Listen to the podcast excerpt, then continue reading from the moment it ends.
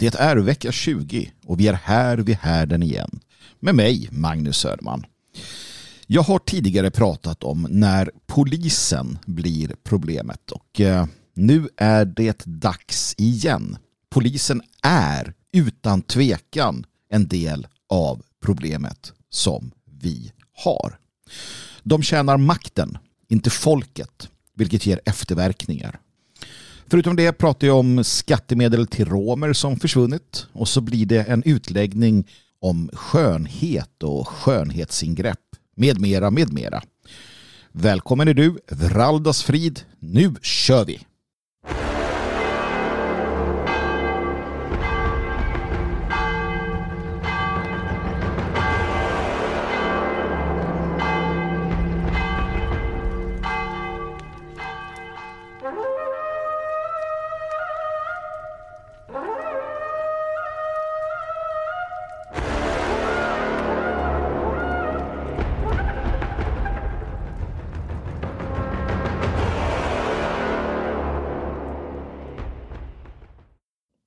Man eh, tror inte att det är sant. Jag läser eh, rubriken Romer fick eh, 100 miljoner i bidrag. Försvann spårlöst. Inte romerna alltså, utan pengarna. Och jag kan inte tro att det är sant. Vad är det för, vad är det för, för värld jag lever i? Jag läser på Fria Tider. Myndigheterna betalade ut 100 miljoner kronor till romska föreningar och räknade med att medlen skulle hanteras ansvarsfullt. Men nu avslöjar Dagens Nyheter ofattbara. Pengarna har till stor del försvunnit spårlöst. Två saker, eller en sak att börja med. Dagens Nyheter uh, har alltså uh, avslöjat detta. DN, uh, vi kommer återkomma till DN en gång till. Och jag undrar vad som har hänt. Har DN blivit övertaget Utav fascister? Det känns som det. Här, här, här under sändningen kommer vi, eller sändningen det är fel ord, inspelningen, lyssningen eder så kommer vi alltså så, eh, hänvisa till DN två gånger när de gjort ett bra jobb, vilket i sig är, är fantastiskt. Men, men eh, ja, vi får se, vi får återkomma, vi får följa DNs utveckling här mot en fascistoid blaska. Eh, vad det här handlar om är alltså att eh, 100 miljoner skattekronor, det vill säga dina kronor, kära, kära lyssnare, har delats ut till eh, bland annat Romska ungdomsförbundet. Eh, med flera, med flera. Och tanken var att de här då skulle hjälpa ukrainska eh, flyktingar, eller snarare då ehm, romska ukrainska eh, flyktingar. Man skulle eh, se till så att de kunde då lämna, lämna landet. Ehm, och till detta så hjälpte vi till med, med pengar. Då. Och, och sen har man då ringt, ringt runt här, DN alltså, och frågat lite i olika kommuner om det här. Um, och av de fem kommunerna som man ringt till så är det ingen som har hört talas om den här föreningen eller att de har gjort någonting. Ehm, Therese Jaramillo um, som har hand om flyktingmottagningen till Växjö kommun säger vi har inte hört talas om deras förening. Så man blir lite ifrågasättande till att de fått bidrag. Enligt föreningen då så kan man läsa på sin hemsida, återigen jag läser på fritiden nu, så påstår man att 4 000 eh, romska flyktingar har kommit till Sverige. Migrationsverket har inte hört talas om dem inte. Um, finns liksom inga eh, uppgifter om det. Inte heller har då uh, migration, eller, uh, Migrationsverket som ändå har hand om de här sakerna. De har inga som helst uppgifter om att den här föreningen skulle vara engagerad i att hjälpa några flyktingar heller. Föreningen säger sig ha 4 000 medlemmar. Det vet man inte heller. Det går nämligen inte att bli medlem. I alla fall inte om man tittar på deras hemsida. Uh, det är ju det här med andras pengar. Va? Det är lätt att vara generös. För att det verkar inte ha gjort någon vidare indignation på myndigheten heller. Um, Anna Geselius, hon är enhetschef vid Institutet för språk och folkminnen. Um, och, och, och hon säger så här.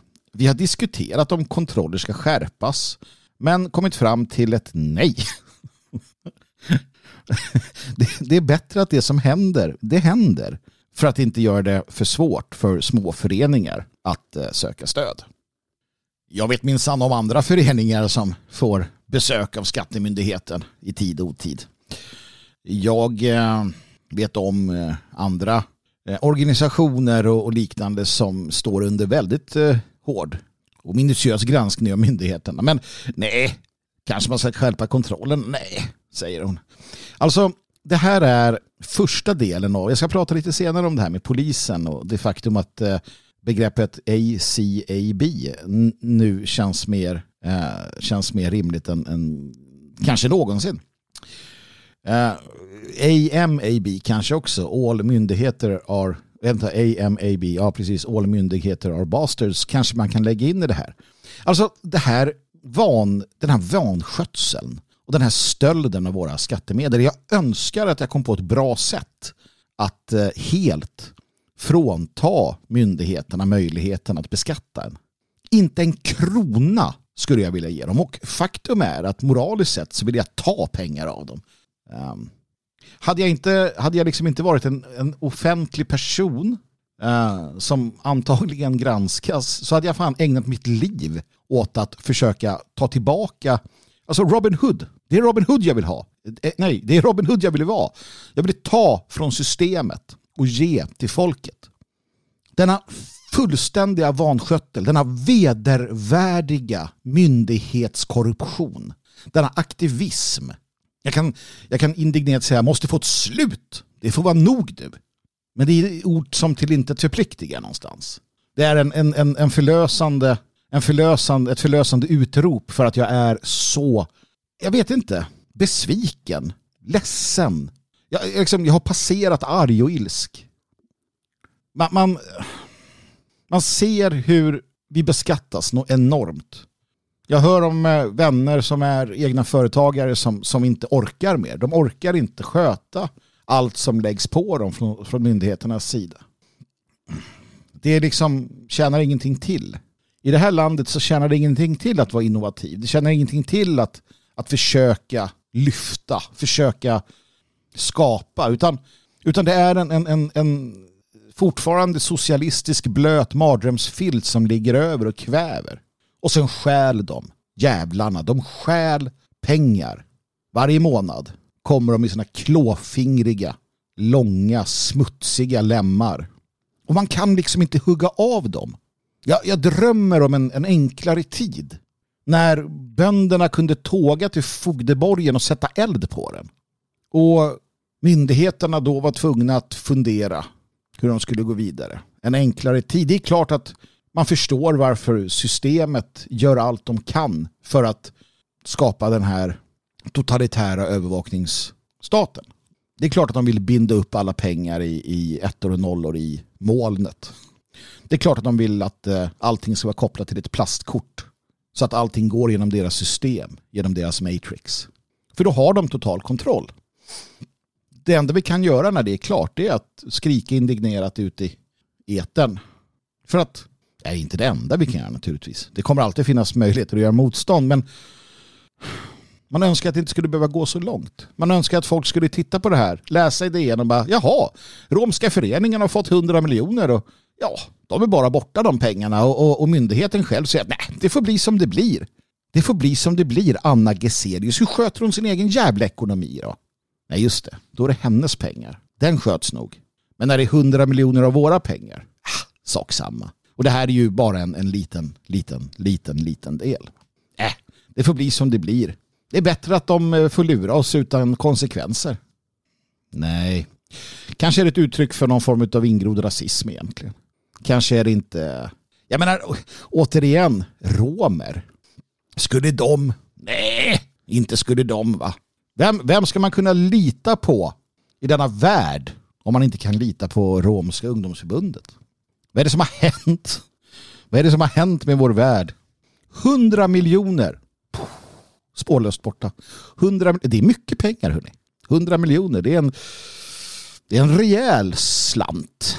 Som hade behövts kanske när människor ligger och dör ensamma i vårdapparaten eller skickas hem med diagnoser för att en allmänläkare en, en, skickas hem med felaktiga diagnoser eller inte får den behandling de behöver för att eh, ja, allmänläkarna sitter på en 3-4 tusen patienter per skalle, läste jag. Fan. När man pratar med människor som jobbar inom offentlig sektor och de är fan ta med hjältar. som, som släpar sig fram.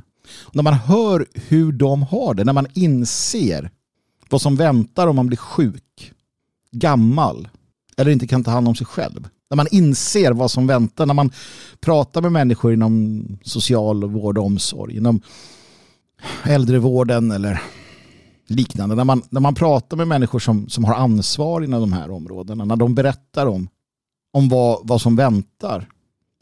Ja, det är, det är skrämmande. Det är skrämmande, utan tvekan. Många av er förstår inte det. Alltså, tyvärr. Eller inte vet jag, ignorance is a bliss. Jag vet inte.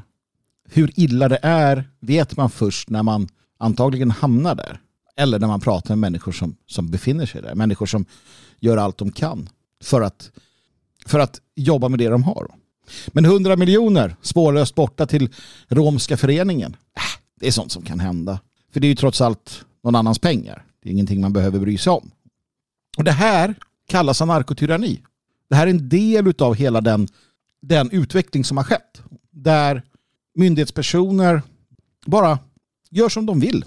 Utan att känna något ansvar. Det finns ju inget ansvar när man säger som hon gör. När man säger det.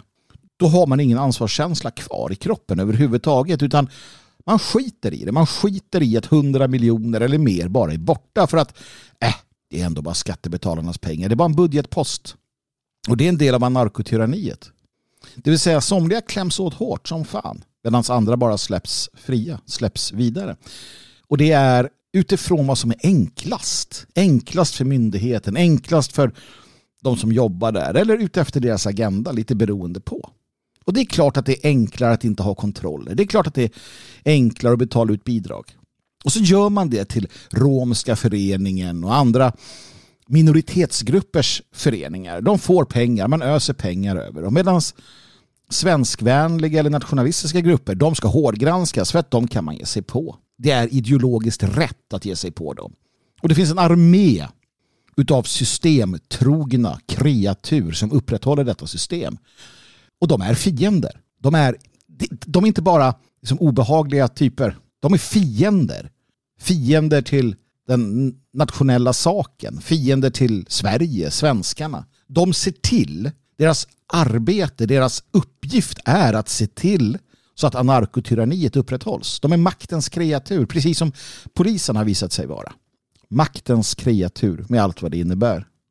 Och det är en eh, sorglig, ett sorgligt konstaterande att göra men ack så viktigt att förstå. För att det får konsekvenser för hur du fungerar, hur du ska fungera, hur du ska tänka. Och det handlar om prioriteringar. Absolut, alla de här äh, olika aspekterna av det, det, den mot, det, det motstånd vi har, att, eller det vi har att göra motstånd mot, är relevant. Men, men vi måste förstå att, att högst upp på den pyramiden så är staten. Staten och dess tentakler. Det är där vi har det. Det är det som i grunden är det, det problem vi har. 100 miljoner. Det är ju en liten summa som sagt. Det är ingenting att hetsa upp sig över. Eller? Jo, det är fan ta med dags att man hetsar upp sig. 100 miljoner till en bluffförening och myndigheterna rycker på axlarna. Det är värt att ta med sig och det är faktiskt värt att bli upprörd över.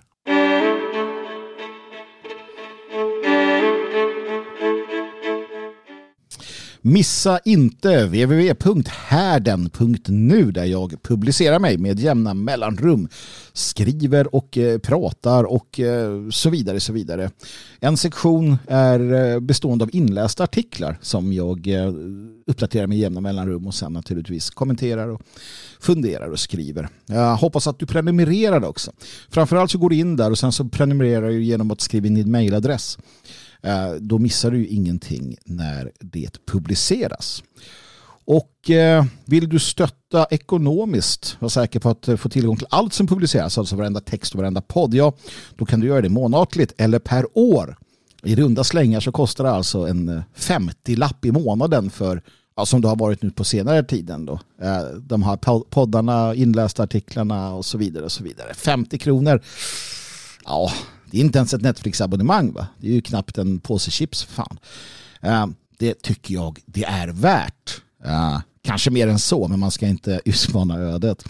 Du kan också ge en gåva om du vill. Uh, på 0762 475 672. Det är Swish alltså. 0762 475672. Skriv då gärna gåva. Uh, vilket är hyfsat viktigt i sammanhanget eftersom att skattemyndigheterna, ja ni vet, de som, de som låter romska föreningar för 100 miljoner, de kan bli lite upprörda om det står 50 kronor och, och så vidare och så vidare. Uh, det är som det är, liken för lagen. Nej du, inte ett dugg. Um, och ett stort tack till er som har gjort detta. Ingen nämnd och ingen glömd. Och låt mig också, när jag ändå håller på och tackar, låt mig tacka dig som prenumererar på härden. Eh, det betyder väldigt mycket på flera sätt. Eh, och jag vill att du tar med dig det. Jag vill att du känner det. Att, att eh, en, en, en varm omfamning och tacksamhet från Söderman. Ditt stöd avgör på många sätt och vis. Så vi gör ju det här tillsammans. Ehm, och då ett speciellt tack till härdens eldvakter. Ni som ger utöver vad som krävs. Tack ska ni ha.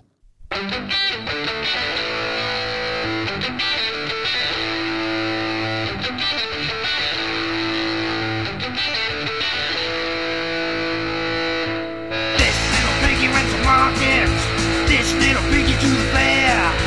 This little piggy wore a big blue hat and he followed us everywhere. Wherever we go, so does he in his little car. Works well for the money men, well he knows that he'll go far. This little piggy says that he's the boss. Listen, piggy, we don't give a toss. This little piggy wants to send you down. Don't like people with the mind of the road. This little piggy had a wooden stick, taps it on his hand. Hit you on the head if you speak your mind. Well, don't even think he's grand. This little piggy had a radio to call up all his mates. To plan the lies, to tell on oath, to try and steal your fate. Yeah, this little piggy says that he's the boss. Listen, piggy, we don't give a toss. This little piggy wants to send you down. We don't like people with a mind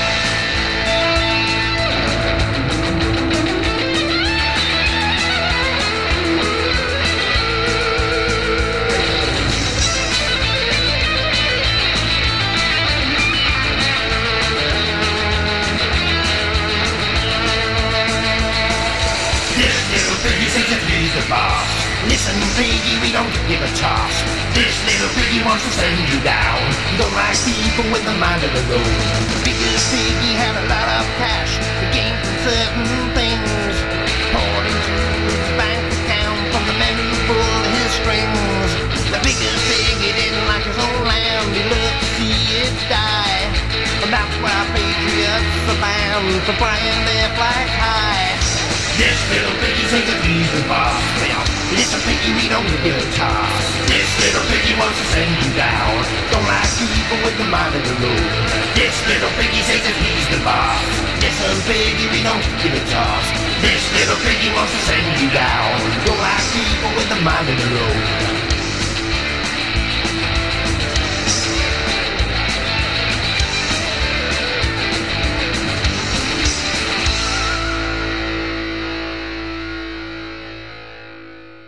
Först tänkte jag att eh, det skulle spelas lite eh, Forskins och eh, ACAB, All Coppers Are Bastards, men det fick bli Screwdriver istället, eh, This Little Piggy. och det är ju för att eh, håna och retas med eh, polisen. Absolut, för att märk väl, och det här vill jag ha sagt väldigt tydligt. Det finns inga som helst ursäkter för den svenska polisens agerande när det kommer till de eh, koranbränningar och, och det, den hantering av dessa som eh, svensk polis har eh, visat har, ja, hur de har agerat i frågan. finns heller inga ursäkter för, för enskilda poliser som inte um, säger ifrån om detta utan som upprätthåller detta system. Det finns inga ursäkter. För ni vet vad ni gör. Och det gäller också Säkerhetspolisen som jag vet eh, på ett eller annat sätt lyssnar på eh, det jag säger just nu. Det finns inga ursäkter. Det finns inte det, för ni vet att ni gör fel. Ni vet att ni använder lagen. Ni vränger lagen för att passa de syften som ni eh, de syften som ni fått för er har företräde framför grundlagen. Ni kan kalla det Sveriges säkerhet om ni vill, vilket är rent skitprat. För Sveriges säkerhet ligger i grundlagen och upprätthållandet av de medborgerliga fri och rättigheterna. Utan dem så finns det ändå inget att bry sig om. Utan ett fritt Sverige så kan ni ta era jävla upprätthållanden av Sveriges eh, säkerhet och dra åt helvete med dem. Vi vill inte ha en despotisk regim. Vi vill inte ha en, en regim som inskränker våra demokratiska fri och rättigheter oavsett varifrån den kommer. Hur fan beter ni er? Skäms. Men det gör ni inte. Utan ni sitter där och skriver ner och nu sa han så, nu var det så. Det här är också ett hot mot Sverige. Fy fan alltså. Och vad är det jag är så upprörd över? Jo, DN återigen har eh, sedan eh, en tid granskat och funderat kring det här med Rasmus Paludans koranbränningar etc. etc. etc. Och ärligt talat, jag skiter fullständigt i, i mycket i den här processen.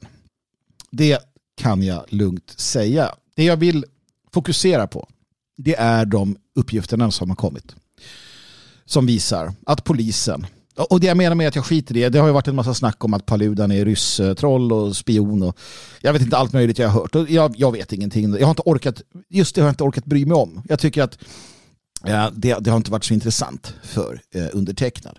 Och eh, om eh, det spelar liksom ingen roll huruvida det är en del av någon kampanj eller så vidare. Utan det, det spelar roll är faktiskt i, i grund och botten hur svensk polis agerar utefter de lagar som finns.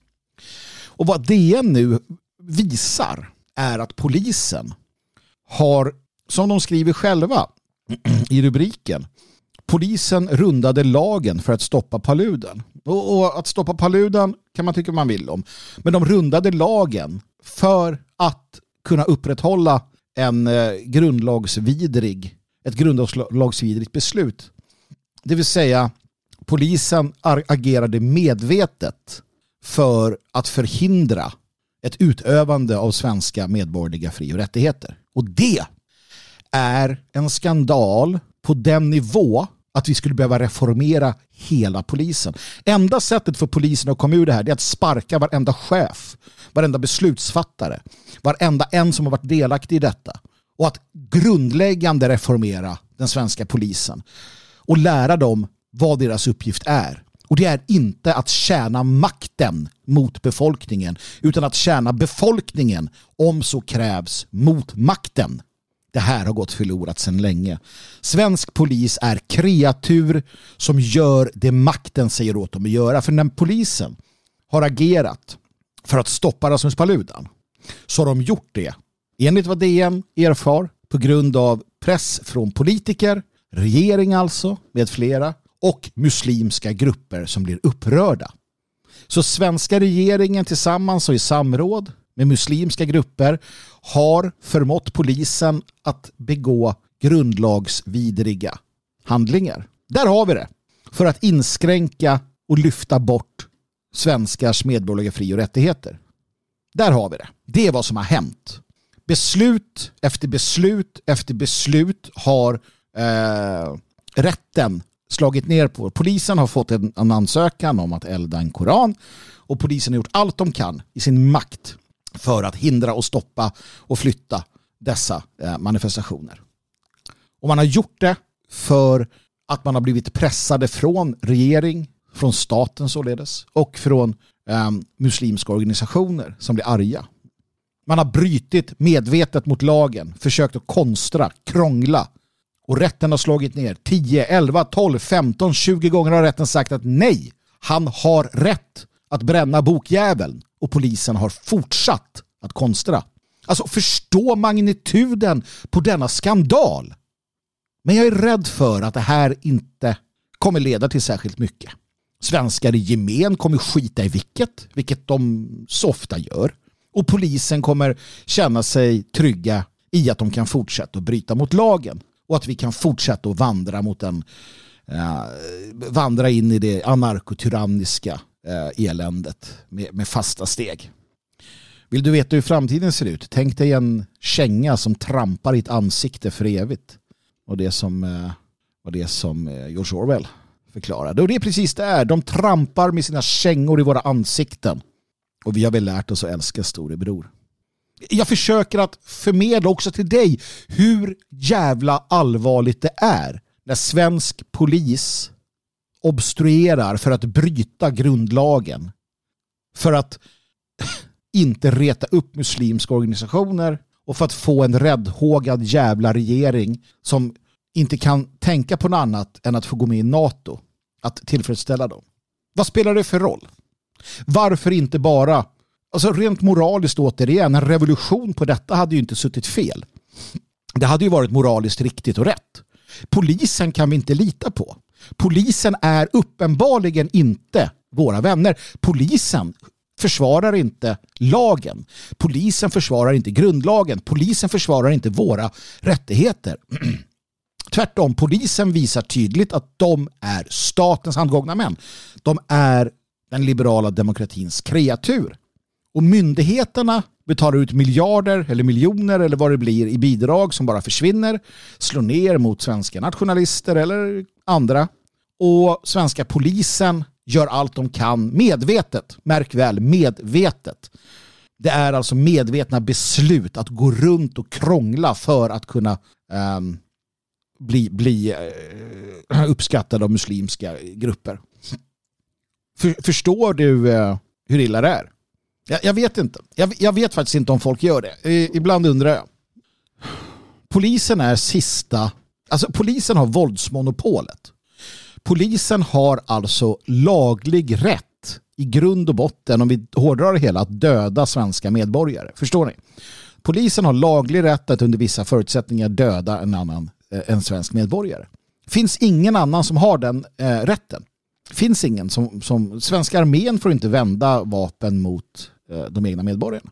Om det inte finns något hemligt dokument som inte jag vet om. Eller något eh, icke-hemligt dokument som jag inte vet om. Men i grund och botten så är det polisen som sitter på det. Ja, det, den makten. Det monopolet. Det ska vara sista liksom, försvarslinjen. Och själva grunden är att polisen upprätthåller ett samhällskontrakt, en ordning som vi är överens om. När blev svenska folket överens med staten om att staten kan göra precis vad fan de vill och att de kan skicka polisen för att slå ner allt motstånd? Det är inte sånt vi gör i Sverige. Det är inte själva tanken med detta. Och varje dag polisen går till jobbet med den här, eh, med den här uppfattningen är en dag extra i anarkotyranniet som vi inte vill ha. Och nej, såklart inte. Såklart inte att varje enskild polisman tänker så här och är en, en hjärndöd robot. Nej, inte ens eh, säkerhetspolisen är ute i ingenting.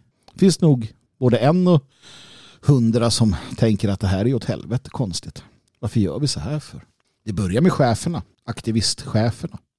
Och återigen, det finns ingen utväg. Det finns ingen annan utväg än att sparka bort dem och reformera kåren. Få dem att fatta vad deras uppgift är. Jag, jag ser ju inte att det kommer ske. Jag ser inte att det kommer ske, utan man kommer fortsätta så här. Det är en medveten vandring. Man förskjuter sina principer.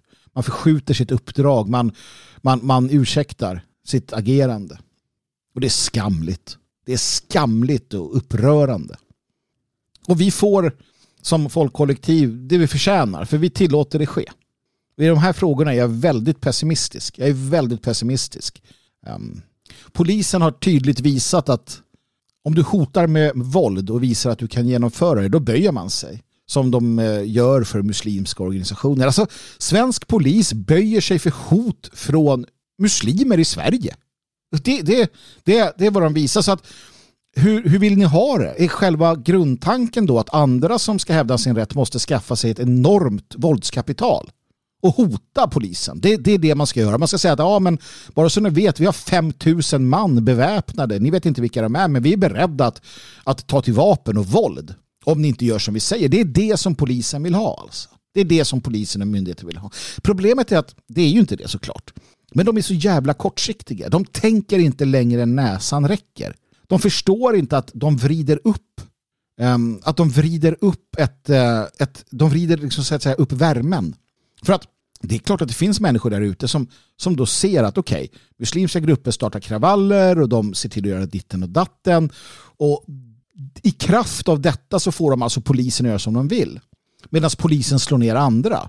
Då tänker ju de grupperna ganska självklart att okej, okay, om vi då kan hota på samma sätt och ha samma våldskapital och rikta mot systemet, mot staten, mot polisen så kan vi få som vi vill. Det var den, det var den världen ni skapade, ni poliser, ni polischefer och ni politiker. Det är det ni skapar. Ni är i färd med att skapa ett samhälle där inte lagen utan våldet styr. Det var inte tanken, men det är det ni gör. Hur fan kan man vara så usel? Alltså det är för mig helt obegripligt att inte kunna se detta, att inte kunna agera efter detta. Och vi som har barn, vi som ska se dem växa upp och inser att det är det här de kommer hamna i. För att ni, polisen, sviker. Ni sviker folket, ni sviker lagen, ni sviker medborgarna, ni sviker oss alla. Och ni gör det medvetet. Och det är så vansinnigt sorgligt att ni skapar ett samhälle där våldet, där våldet och våldskapitalet och hot ska vara det som, det som upprätthåller någon form av liksom maktbalans. Det naturliga hade naturligtvis varit att polisen hade sagt att i det här landet så har vi vissa grundläggande principer och en av dem är att man får elda vilken jävla bok man vill. Även om man gör det för att provocera.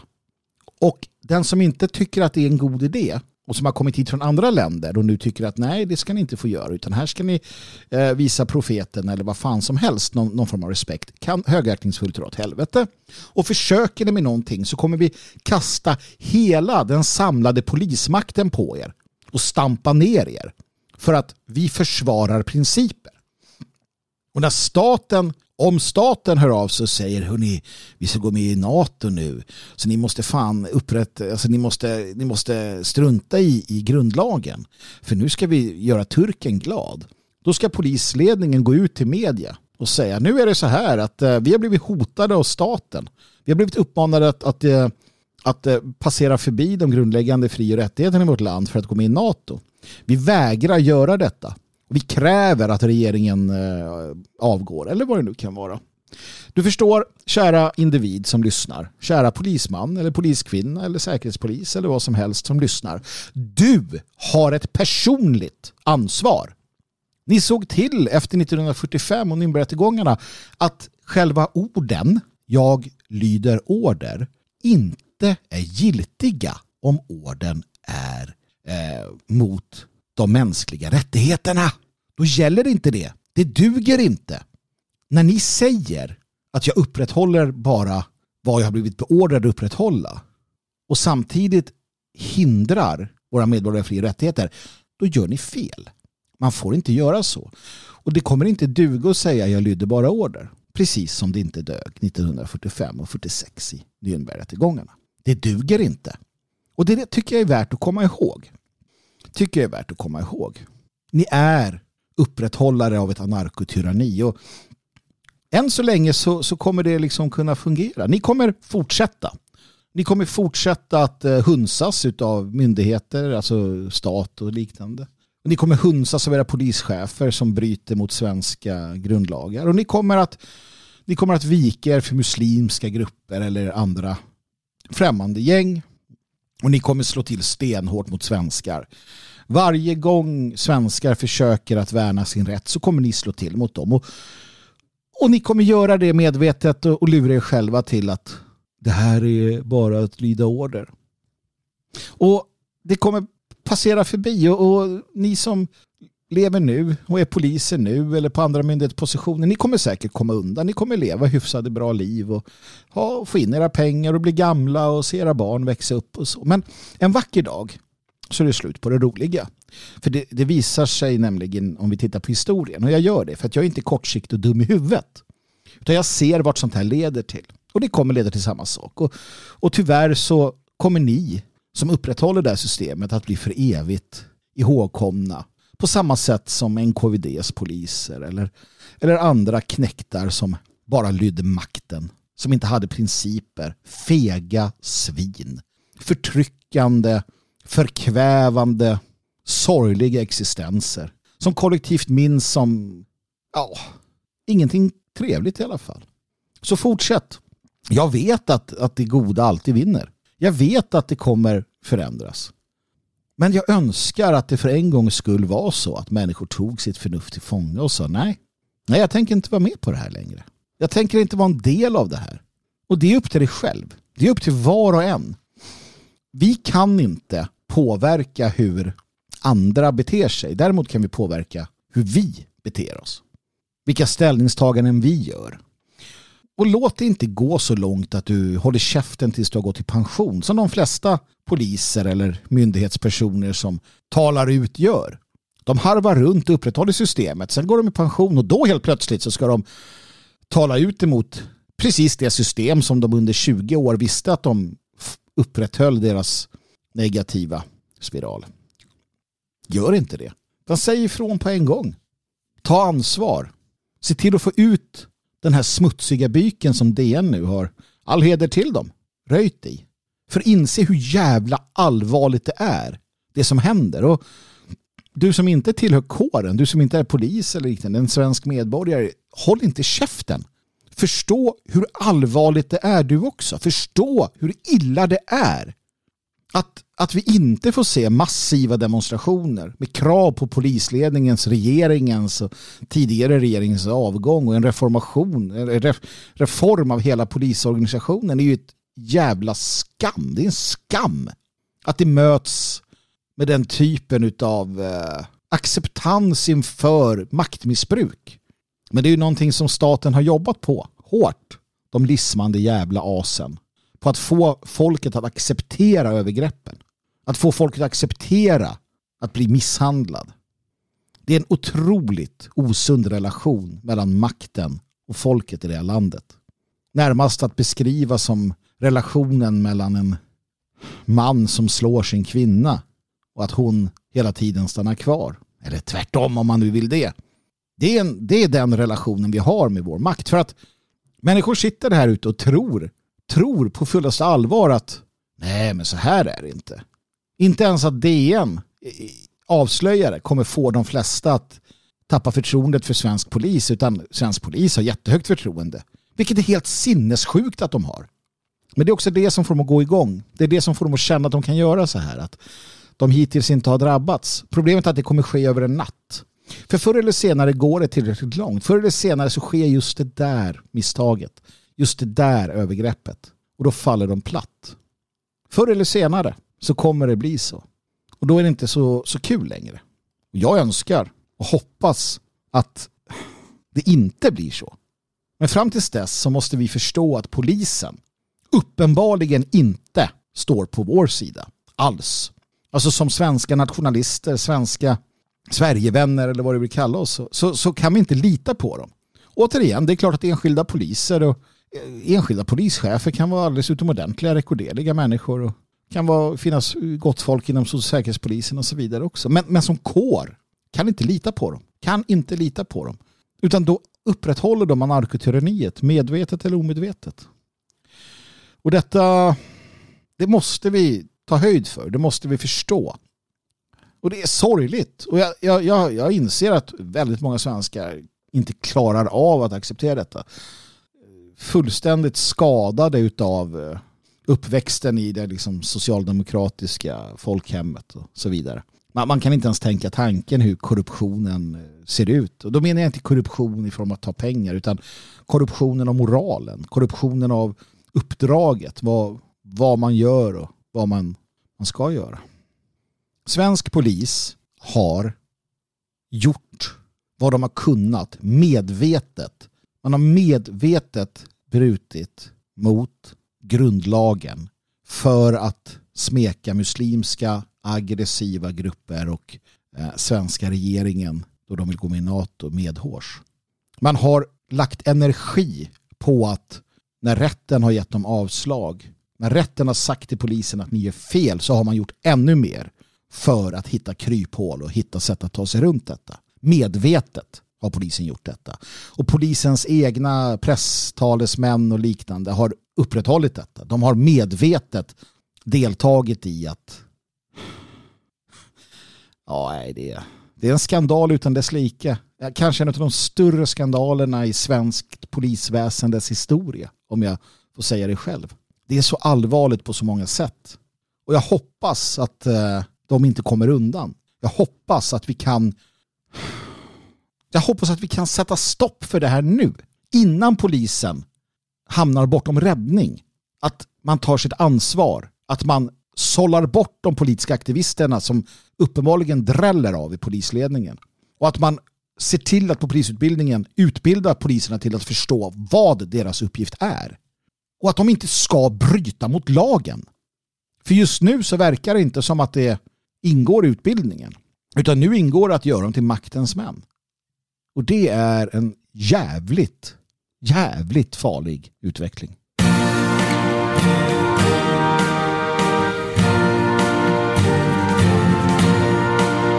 Du blonda folk från skog och berg som världen gav din andes märg. Din ljusa håg av solen tänd här skapar kraften över allting känd.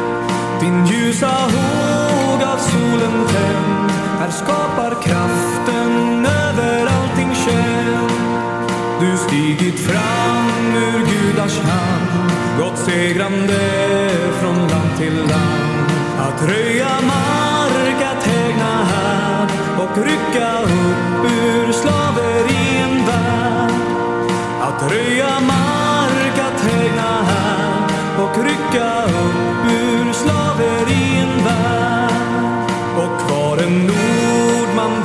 brödet som storman eller proletär i bondens gård, fabrik och bod så har han kraften utav samma blod. I bondens gård, fabrik och bod så har han kraften utav samma blod. Gulhårig pilt vid stugan står ser hur far på fältet står. och bror och syster hand i hand till le och leka invid åkerns rand och bror och syster hand i hand till le och leka invid åkerns rand där nordisk ungdom samlar sig.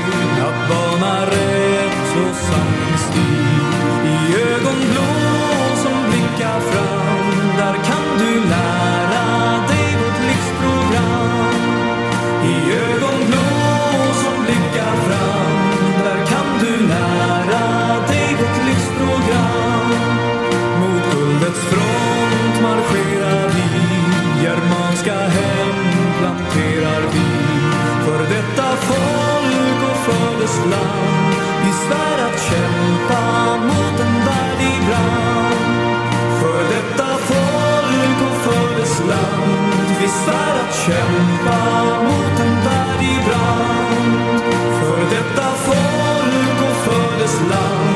Vi svär att kämpa mot en brand Vårt livsprogram, vilket är det? Jo, det är att leva i enlighet med de naturliga lagarna. Det är att leva som en, som en del av ett universum, en ordning som, som finns, som går att se, som går att tydligt märka om man så vill. Det är, det är där vi hamnar, det är där vi är. Och vi är i strid med, såklart, den eh, materialistiska världsordningen. Jag kan inte nog, jag kan inte nog um, understryka att den idealistiska principen som är en del av vårt livsprogram är i ständig strid. Vi är dödliga fiender till det materialistiska. För att, och det handlar inte, det handlar inte liksom om, om att, att äga en pryl. Det, det är inte där vi är. Alltså. Det är inte det det handlar om om någon nu får för sig att det är det som det handlar om. Det handlar om principer som till exempel att, att vi inte kanske kan hitta den lyckan och, och framtidsutvecklingen eh, och tron i det materiella. Det vill säga att, att ju fler prylar du äger desto lyckligare blir du. Det är där vi säger nej. Och så vidare och så vidare och så vidare. Det finns ju en lång, lång harang kring det här. Och idag så, så vill jag prata om ett fenomen som jag såg. Och naturligtvis så börjar vi det extrema för att sen gå tillbaka till det som idag har blivit det, det eh, normala. Va? Och det extrema i det här fallet det är den extrema materialistiska idén som tyvärr har drabbat väldigt många eh, utav vårt folk. Framförallt unga kvinnor men också män. Idén om att, eh, och det här är i grunden en materialistisk uppfattning, det vill säga att du, du idén om att du inte, du inte duger, ja. idén om som man driver på varandra med att man ska göra förändringar i, i det yttre, det, det fysiska för att då nå framgång i den materialistiska världen. Och det, det, är ju sant att du gör det. Det är sant att du någonstans så här, ju mer freak du blir, desto större chans har du att, att nå framgång i den materialistiska världen. Ju mer freak du blir, desto mer framgång når du. Och om, om framgång för människor är det materiella så kommer de i många fall att, att falla i den fällan. Och det som fick mig att... Och, och, för att det blir så galet. Och det som fick mig att reagera den här gången det var när jag såg att det, människor då gör operationer, skönhetsoperationer, det vill säga onödiga operationer för att förlänga benen. För att bli längre för att få längre ben. Och, och jag, jag, man tror att man har sett allt. Det dök upp en, en eh, tjej från Tyskland. Hon såg bortom, när jag, när jag tittade på henne bortom alla ingrepp som hade gjorts så tror jag att hon en gång i tiden var söt. Och jag undrar ibland när jag ser tjejer um, och så ser jag hur de ser ut i sitt uh, utförande idag som de har valt själva. Och så tänker jag bort allt det. Så, så funderar jag liksom så här, hur, hur, gick det här till? Och det här gäller de flesta. Um, stod, alltså, hon, hon står framför spegeln och är söt. Och så någonstans så måste hon ha tänkt att det här ska jag förstöra. Det här ska jag fördärva. Hur kan jag göra för att bli så jävla ful och onaturlig som det bara går? Och så uh, fokuserade de på detta. För att det är ju där vi hamnar den här tyska tjejen då som hade förlängt benen så hon såg ut som någon jävla docka. Någon sån här Barbie-docka eller någonting. Um, hon var söt i grundutförandet. Alltså vita människor, vår ras är en vacker ras. Vi är, vi är ganska vackra i grundutförandet, alla. Om vi bara liksom sköter om oss sådär, något sånär. Ja, och det finns ju något i att Alltså problemet är att, det är en, eh, att, att acceptansen för det naturliga har nästan upphört. Om, om vi ska titta på det och hårdra det. Acceptansen för det naturliga har nästan upphört. Allting ska vara allting är öppet för förändran. Och här ska vi dra en gräns i sanden. För att vi är alltid, och jag är för jag är för att man, att man bryr sig om sig själv. Jag är för att man, man gör sig vacker. Jag är för um, att man vill vara så, så bra som man kan vara. Men jag drar en gräns för att, och det är viktigt att göra det, för att jag vet att många säger när man, när man eh, som jag nu tänker göra då, gå hårt åt uh, skönhetsindustrin och ingreppsindustrin, så vet jag att många säger, ja men vadå? Uh, gjorde man inte det här förr i världen då? Det finns ju, tech, det finns ju mycket som visar att eh, man hade kammar och man, man målade sig och man, vad man nu gjorde tidigare. Och, och, det är ju sant, alltså, man gjorde, jag kallar det inte ens för ingrepp, men det är klart att man bättrade på sig själv när man kunde. Skillnaden mellan att bättra på sig själv eh, och att göra rena ingrepp är ju att det ena är inte beständigt och åsidosätter inte den naturliga urvalsprocessen i det att du förändrar strukturerna. Alltså benstrukturer eller, eller andra strukturer. Utan, utan att du är den du är även om du då förbättrar dig genom att lägga lera på ansiktet eller något. Det andra det är att du, att du förändrar dig på ett sätt som sätter den naturliga ordningen ur spel. Du säger att du, du eh, knackar sönder näsan för att få den i en viss form eller du, Eh, du förlänger benen så att du ser längre ut eller, eller vad det nu kan vara. För där sätter du den naturliga ordningen ur spel. Och, och då kan man ju dela in det i två kategorier också. Den ena kategorin är att, att göra den typen för, för jag måste någonstans, jag måste någonstans eh, hitta nivåer också i helvetet. För det är ju en sak om en, om en och nu pratar jag kvinnor för att jag är man. Ja, ni får prata män själva om ni vill det. Men om du tar en, en kvinna som har eh, blivit äldre, eh, som har fått sina barn, som har liksom eh, allt det. Om hon då känner och hon har någon gubbe eller för den delen inte och känner att nej men vad spel, jag, jag vill liksom fixa till det här och det här och det här. Eh, vill jag förbjuda det? Nej, jag, jag är inte för att förbjuda även om jag tycker det antagligen är jävligt onödigt. Men visst, eh, vill hon det för att ja, av orsaker som inte jag förstår mig på så gör det. Eh, för att det spelar ingen roll i sammanhanget det är lite, som, lite grann som att börja knarka när man är 80. Alltså det är så här, pff, det är, ärligt talat. Däremot, om en ung kvinna gör den typen av skönhetsingrepp som eh, sätter den naturliga urvalsprocessen ur, fel, ur spel så blir det eh, konsekvenserna problematiska eftersom att vi människor dras till varandra, man eh, omedvetet ser eh, på varandra och känner att eh, det här är en, en människa som jag passar med och som avkomman kommer bli bra med. Men om då människor förändrar sig, för saken är den att när du gör de här ingreppen, va, du förändrar inte ditt DNA, utan förändrar bara den yttre, eh, den yttre liksom manifestationen av dig själv. Så det är en lögn. Och det betyder att dina barn fortsatt kommer ha dem, eh, eller de drag etc. som du ändå har mejslat bort. Och det är här problemet kommer in. Om du förändrar dig från att ha den näsan och den längden och den kinden och den vad det nu är så ligger det i ditt DNA. Så du lurar ju då eventuella partners. jag tror inte att någon bryr sig om det idag för att vi lever i en fullständigt materialistisk värld. Men den här skiten vill jag inte ska slå rot hos oss. För att vi ska ha en andlig, inte materialistisk syn på detta. Och vi gör naturligtvis allt vi kan för att må bra och vara hälsosamma. Men en del av vårt livsprogram som är idealistisk är att acceptera den värld vi lever i. Att acceptera oss som människor. Att vara mänskliga. Vi accepterar och lär oss acceptera att vi ser ut som vi gör.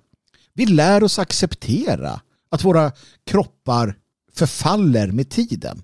Att vi, att vi gör så gott vi kan, naturligtvis, men att vi kommer att chansera. Vi kommer få rynkor. Vi kommer bli gråhåriga. Och ju äldre vi blir desto större öron får vi. Allt det här kommer ske. Vi accepterar vår näsa, vi accepterar våra kindben, vi accepterar oss själva som vi är. Och vi accepterar att det är en del av den naturliga ordningen. Och vi kan naturligtvis göra vad vi kan för att må bra och, och, och vara attraktiva för oss själva och, och varandra. Men det har ju sedan länge passerat anständighetens gräns, detta. Och det är inte vackert när ni plastar till er. Det är inte det. Utan det är, för att problemet är att det har blivit en förskjutning i uppfattningen i grunden. Det har blivit en förskjutning i uppfattningen. För att när du anammar det naturliga livsprogrammet som är den idealistiska synen. När du anammar acceptansen av födsel, utveckling, uppväxt, vuxenskap, nedgång, chansering, förtvining och död. När du accepterar detta, då ser du skönheten i detta. Jag kan se skönheten i en gammal kvinna som är märkt utav åren. Eller en man med läderansikte som har levt ett helt liv. Jag kan se skönheten i modern. Jag kan se skönheten i, i liksom kroppen som har gått sin naturliga gång. Det är inte kroppen, det är inte människan vi ska ändra på. Det är vår, ins, det är vår syn på detta. Det är vår onaturliga syn som ska rivas ut. Det är den som ska bort. För det är inte okej okay att sätta naturen i spel. Och, och vi, kommer få dra, vi kommer drabbas illa av detta vi ser ju redan nu hur människor dör, dör när de ska operera sig. De sprutar in skit i, i, eh, i kroppen och så vidare. Och hela den här skönhetstrenden med, med hela den här idén om att förändra kroppen för att passa in istället för att förändra hur vi ser på saker och ting. Det är det som har lett fram till acceptansen av transhysterin. Vi accepterar att man kan skära av och fylla på och trycka in och så blir det något annat. Och nej, jag säger inte att man inte får sminka sig. Och nej, jag säger inte att man inte får uh, vad det nu är. Men jag säger att man inte ska göra ingrepp som är mot naturen. Jag säger att man ska acceptera den man är. Det, det, är, det är inte, det är inte en, I min värld är det inte ens en diskussionsfråga. Jag blir, jag blir upprörd utav um, Jag blir upprörd när man, när man fördärvar det som Gud har givit oss. Det, det, det, det är också problemet för att det börjar ju oskyldigt. Det börjar med lite sånt här bara, lite sånt här, det går snabbt, det är ingen fara. Men besattheten, besattheten väntar i farstun. I Bibeln så, så säger Jesus äh, angående det här med äh, otrohet och, och att äh, stå efter sin granne. Och, han pratar om att det är bättre att riva ut ögonen på sig själv än att, än att liksom gå, och, gå och titta på något, någon, någon upptagen kvinna med, med åtrå. Ja, och, och, det är ju för medvetenhet, medvetenhet är ju så här att om du, om du, om du börjar liksom låta din hjärna springa iväg med en massa fantasier så kommer du liksom snart, alltså du riskerar att äh, du riskerar att hamna i en, en, spiral som gör att du till sist gör någonting du inte borde ha gjort. Om du äh, umgås i en grupp människor och ni är alla gifta, det är par som umgås och, och du börjar känna en viss attraktion efter din äh, kompis hustru då ska du genast sluta med detta. Ta bort tanken. För att om du börjar nära den, om du börjar eh, mata den med, med bränsle så kommer dina tankar formuleras på ett visst sätt och dina handlingar kommer hamna därefter. Och det är samma sak för att till sist kommer katastrofen. Det är samma sak när du sätter igång den här eh, kropps, kroppsmodifikationen. Du kommer inte vara nöjd. Och det har vi ju sett så många gånger. Och att, att man accepterar idag, titta på alla som sprutar in skit i läpparna och så vidare och så säger nej men man har rätt att göra vad man vill. Det är ju vansinne. Det är vansinne. Unga tjejer, återigen som satt och tittade på sig själva i, i spegeln och bara så här, nej men jag ska göra mig så ful som möjligt. Vad fan är det som har hänt? Och det är den materialistiska, den demoniska världssynen. Som har fördärvat våra hjärnor, fått oss att, att bli skeva. Och nu ska man då förlänga benen. Och det är en slippery slope. Och ni, kan, eh, ni kan tycka vad ni vill. Jag har rätt. Det är en slippery slope. Det börjar oskyldigt. Vägen till helvetet är alltid kantad med goda intentioner. Och så här kan vi inte ha det. Jag inbjuder er alla att bli en del av den idealistiska idén. Det är vårt livsprogram. Att förstå att vi är en del av en process där vi föds, där vi växer upp, där vi har en eh, ungdomstid, en blomstringstid och vi är som, som den, den nysprungna rosen. Och sen blir vi äldre och vi åldras med värdighet. Om vi vill. För det är upp till dig själv. Det är upp till dig själv att åldras med värdighet. Och det här betyder inte någon acceptans för att missbruka sin kropp. Vi är många som har gjort det. Vi har låtit oss bli eh, överviktiga eller sjuka eller trötta i onödan. Det är inte det jag säger. Vi ska inte acceptera att förstöra kroppen åt endera håll. Vi måste komma fram till att vi ska göra det vi ska göra. Vi måste göra det vi bör göra. Och sen så faller det ut olika på olika människor. Och vi måste acceptera det. Det är det vi måste acceptera. Att när vi gör det vi kan utifrån de, de, de eh, möjligheter vi har så gör vi rätt. Det är när vi går över gränsen. Det är när vi gör det onaturliga naturligt som problemet kommer. Och skönheten finns lika mycket i den vissnande rosen som i det skott som snart ska ta blom. Skönheten finns i det döende trädet. Och det är en lika påtaglig skönhet som i den unga björken. Skönheten finns överallt. Och det handlar bara om att vi ska se den. Ta den till oss och låta den bli en del av oss. Vi ska inte fördärva det som är oss givet. Och det är det som all tro lär oss.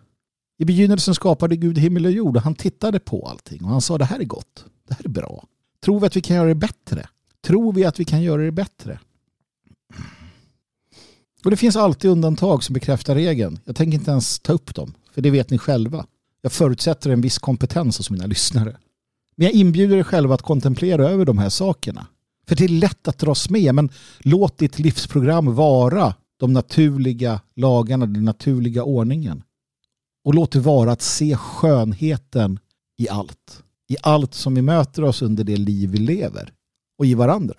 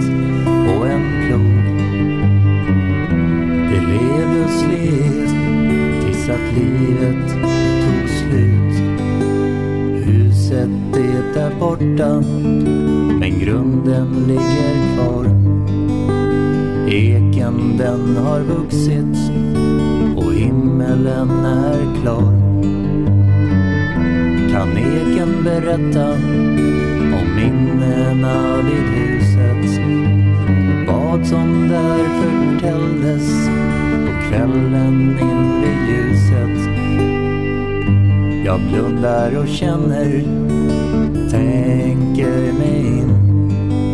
Historien om paret är också min.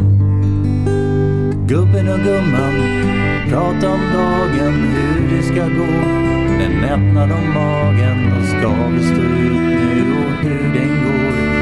Håller ihop så länge hjärtat slår. Barnen har lämnat, flytt tappat bladen. Vintern nalkas med steg för steg. Noga vid orken fastän kroppen är seg. Gladdes av det lilla till gränsen utav nöd. Gumman hörde vinden som susade och ljöd Ni har er frihet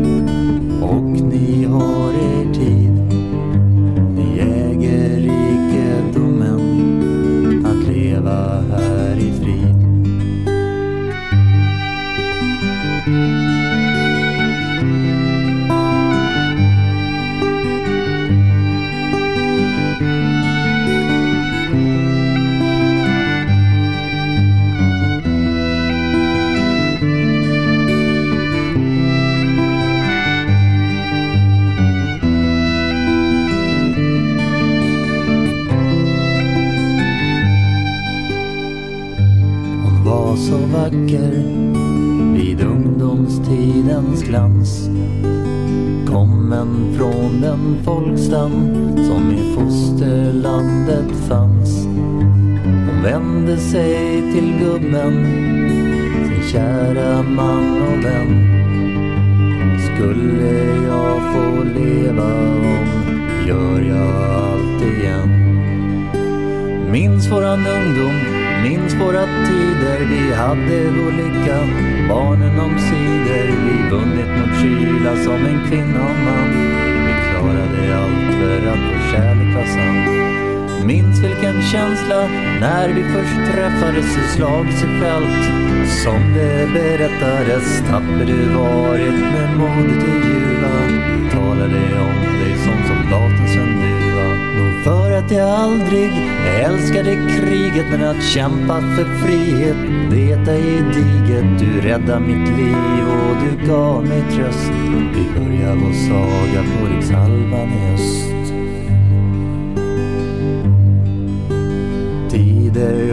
förändrats, minnet blivit kort. Förankring till historien, det har tappats bort.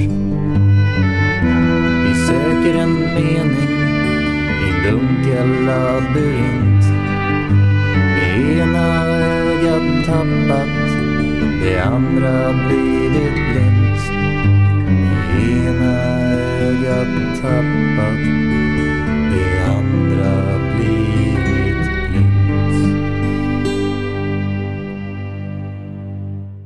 Med eh, Henrik Pilström i ryggen och eh, med Onono Komachi tänker jag bara göra ett litet eh, inlägg här mot den här ensamhetsnormen som, som far vida över vårt västerland.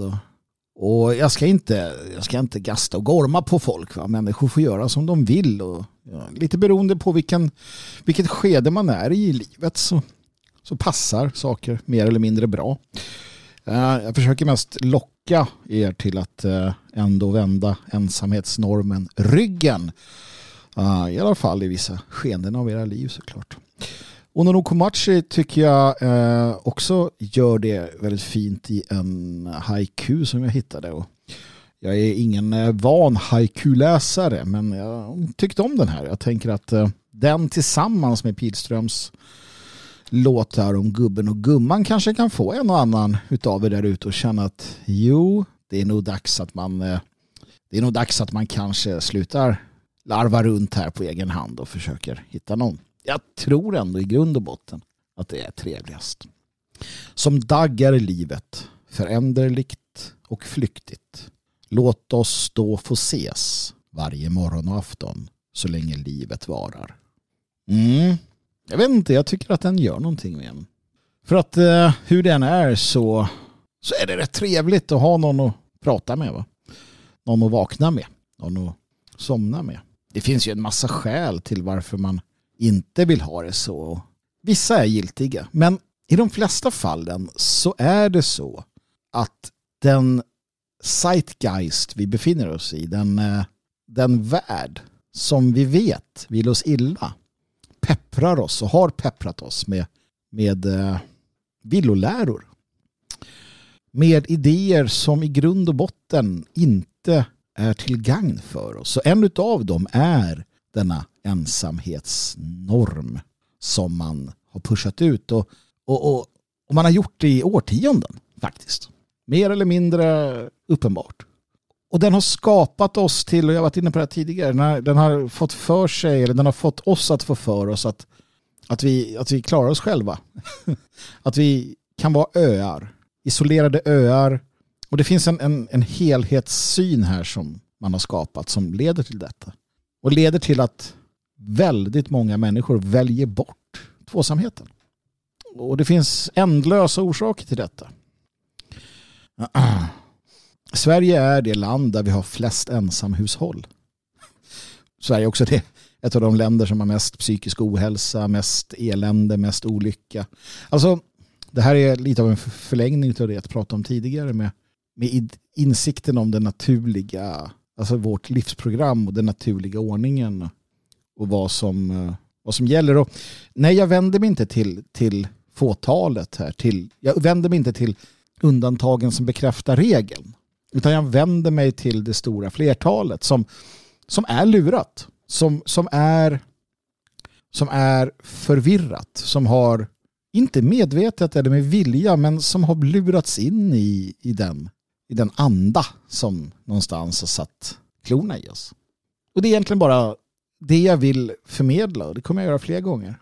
Den här äh, djupa känslan av det du kan vinna genom att välja en annan väg. Och det är intressant, själva idén med tvåsamheten. Jag tar exemplet från eh, mormonerna som inte har tvåsamhet, eller ja det har de ju också, men i många fall har de, de hade i alla fall en tid då de hade flersamhet skulle vi kunna kalla det för, det vill säga månggiftet. Um, och, och, en förklaring till det, det var att uh, man som då mormon hade som uppgift att, att bli mer lik Gud för att uh, i kosmologin ingår idén om att du när du dör kommer få en egen planet eller ett eget universum att, att ta hand om. Så det, det gällde så att lära sig att bli mer som Gud. Och ett sätt var just att ha flera fruar. för att det lärde en ödmjukhet och det lärde en konflikthantering och så vidare. Och, och det är ju det, alltså det är jätteenkelt att leva ensam. Jätteenkelt. Och det är därför man inte ska göra det. Det är ju det det handlar om. Vi har blivit så slappa i tanken och anden och själen. Att vi väljer den enklaste utvägen. Nej men det är bättre så här för då kan jag göra som jag vill. Och det är just därför man inte ska göra det. Det är just därför man ska gå upp på morgonen och göra de där jobbiga sakerna. Det är därför man ska laga sin mat själv. För att det är jobbigare än att köpa färdig lagad mat. Det är därför man ska söka tvåsamheten. För att det är svårare. Det är jobbigare att vara två än att vara ensam. Men det är en del utav din utveckling här på jorden i detta liv här och nu. Och därför ska man överkomma de svåra, eller den lättjan om vi kallar det för det. Så att jag vänder på det här. Lättjan blir ju problemet. Att hela tiden välja minsta motståndets väg välsignelserna kommer när man väljer den hårda vägen. Den breda vägen må vara enkel att gå men den smala vägen är den rätta. Så är det ju faktiskt. Så är det ju faktiskt. Så att eh, ta med dig det och tänk på det. Som daggar livet, föränderligt och flyktigt. Låt oss då få ses varje morgon och afton så länge livet varar.